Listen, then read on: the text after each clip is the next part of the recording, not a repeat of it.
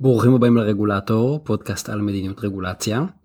אני גיא והיום נספר על מדינת איידהו שמציגה שקיעה רומנטית.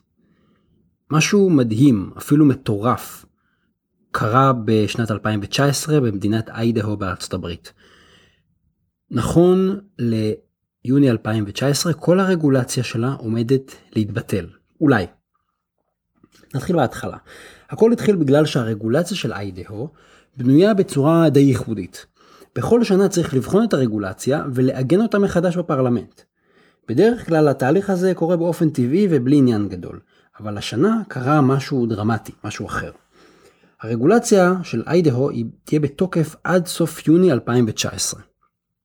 ולכן כמה חודשים קודם הפרלמנט של איידהו התכנס לדיון על עיגון מחדש של הרגולציה.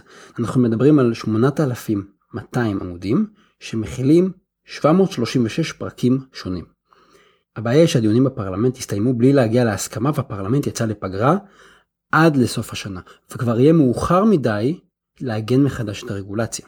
ולכן הדרך היחידה שנשארה באמת לשמור על הרגולציה כולה או חלקה בתוקף, זה באמצעות צווי חירום של המושל, הוא ראש הרשות המבצעת של הסטייט. אבל כאן העסק רק מתחיל להסתבך, כי מושל מדינת איידהו, ברד לייטל, הכריז מלחמה על עודף הרגולציה. ואנחנו יכולים להסתכל מהרקורד שלו שהוא לא רק מדבר הוא גם ממש עושה. לייטל נכנס לתפקיד שלו רק בחודש ינואר 2019 והוא כבר הספיק להעביר כמה רפורמות גדולות. למשל אחת מהן קבעה שעל כל רגולציה חדשה שרוצים להוסיף צריך למצוא בספר החוקים שתי רגולציות קיימות ולבטל אותן. זה מנגנון שנקרא one in two out הרחבתי עליו בפרקים קודמים. זה נשמע מאוד משמעותי אבל בפועל המנגנון הזה מעורר הרבה מאוד שאלות שדיברתי עליהן בעבר אתם יכולים להסתכל פה בפרק שדיבר על אה, הצווים של טראמפ טראמפ עושה היסטוריה.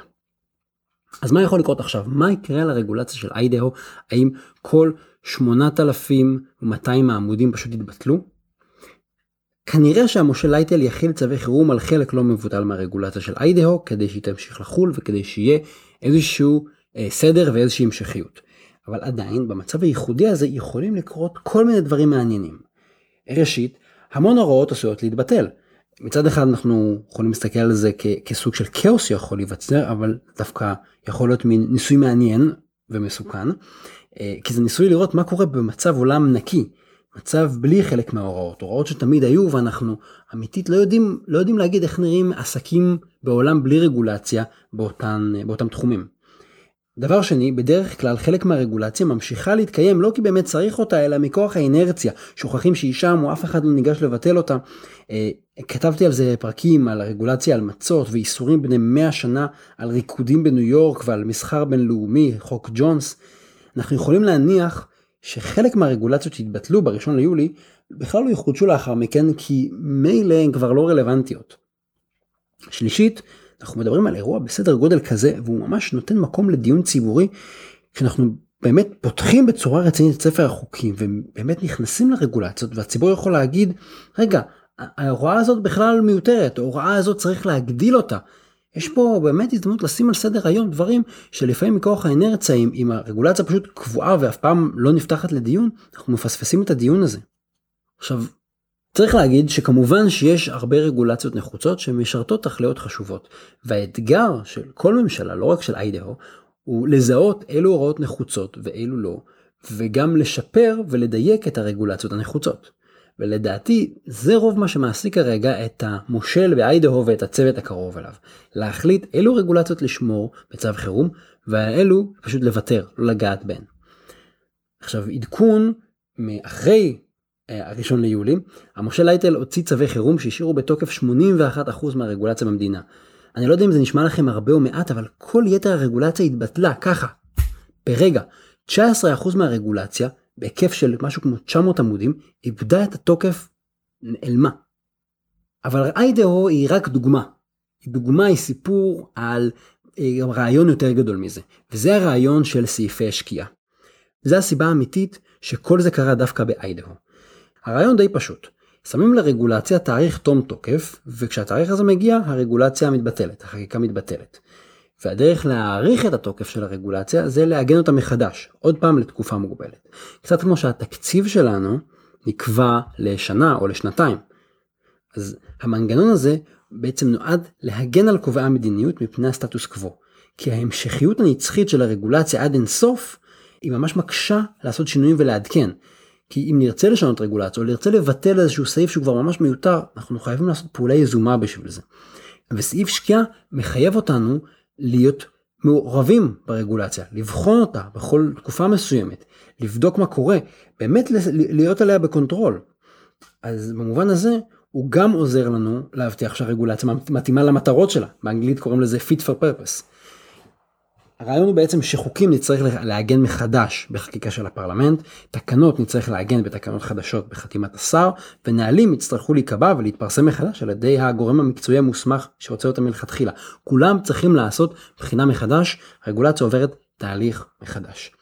השימוש בסעיפי שקיעה נועד להבטיח שהמערכת לא תתאבן ושהרגולציה לא תתיישן. הרי אם אנחנו לא נבדוק את הרגולציה שלנו אחת לכמה זמן, תצטבר עליה אהבה, כי היא תתיישן, היא תהפוך להיות לא רלוונטית, לא מועילה, אולי אפילו מזיקה. הרעיון הוא בעצם שסעיפי שקיעה דורשים מאיתנו לעשות חשיבה מחודשת, אחת לתקופה. והם יוצרים גם מערכת מסודרת עם לוחות זמנים ידועים וברורים מראש. וכשחושבים על זה, הזכרתי את זה קודם, אנחנו מכירים מנגנון ממשלתי שעובד בדיוק ככה, וזה תקציב המדינה. את התקציב צריך להעביר אחת לשנה, במקרים חריגים עשינו בישראל תקציב דו שנתי. ואם אנחנו לא מעבירים תקציב, אז הממשלה בעצם רצה על אה, מה שנקרא 1 חלקי 12 על התקציב של השנה שעברה אבל רק כל חודש על הנתח שלו.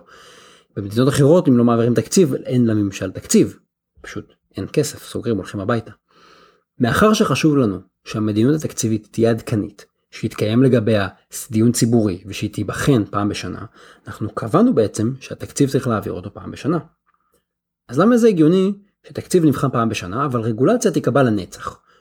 הרי בסוף הכל תלוי בברירת המחדל. גם בתקציב אפשר לשנות תוך כדי השנה וגם רגולציה אפשר לקבוע עם הגבלת זמן. זה נטו שאלה של ברירת מחדל. בתקציב ברירת המחדל היא חובת חידוש תקופתית, שנתית, אבל ברגולציה ברירת המחדל היא היעדר מנגנון קבוע לבחינה. אין לנו מנגנון לבחינה קבועה, עדכון, תיקון, היא פשוט רצה לנצח עד שמישהו יחליט לפתוח את הרגולציה. סעיפי שקיעה לא חייבים להיות לתקופה קצרה של שנה כמו באיידהו. בנייר עמדה שכתבתי יחד עם כמה קולגות, אנחנו מציעים לקבוע שרגולציה בחקיקה ראשית תיקבע ל-20 שנה, ותחודש כל 20 שנה, תקנות וצווים ייבחנו פעם ב-10 שנים, ונהלים כל 5 שנים. פרק זמן כזה מעניק יציבות ומאפשר גם מספיק זמן כדי לבחון את ביצוע הרגולציה בפועל, לאסוף נתונים, לראות את ההשפעות, ואז לבחון את הרגולציה אל מול התוצאות. מצד שני 20 שנה זה שיפור משמעותי בהשוואה לברירת המחדל של היעדר בחינה תקופתית סדורה בכלל. אני יכול להעיד מהניסיון שלי שיצא לי לסייע ולקדם תיקון של תקנות שלא נגעו בהן 43 שנה. זה המון המון זמן לא לגעת ולא לתקן פסיק בתקנות ובלי להגיד על איזה נושא זה היה אבל אני אומר שהתיקון היה מאוד מאוד נדרש זה היה חיוני אפילו. IDO היא לא המדינה היחידה בעולם שעושה שימוש בסעיפי שקיעה, תוכלו לראות עוד דוגמאות בנייר המדיניות שכתבנו, אבל כן מגיע לה קרדיט על השימוש במנגנון הזה. מצד שני, אם צריך לבדוק את כל הרגולציה ולעגן אותה, את כולה בבת אחת, כל שנה, זה יוצר מצבים מוזרים כמו שקורה עכשיו ב-IDO. לכן לדעתי צריך לייצר פריסה הדרגתית של מועדי השקיעה.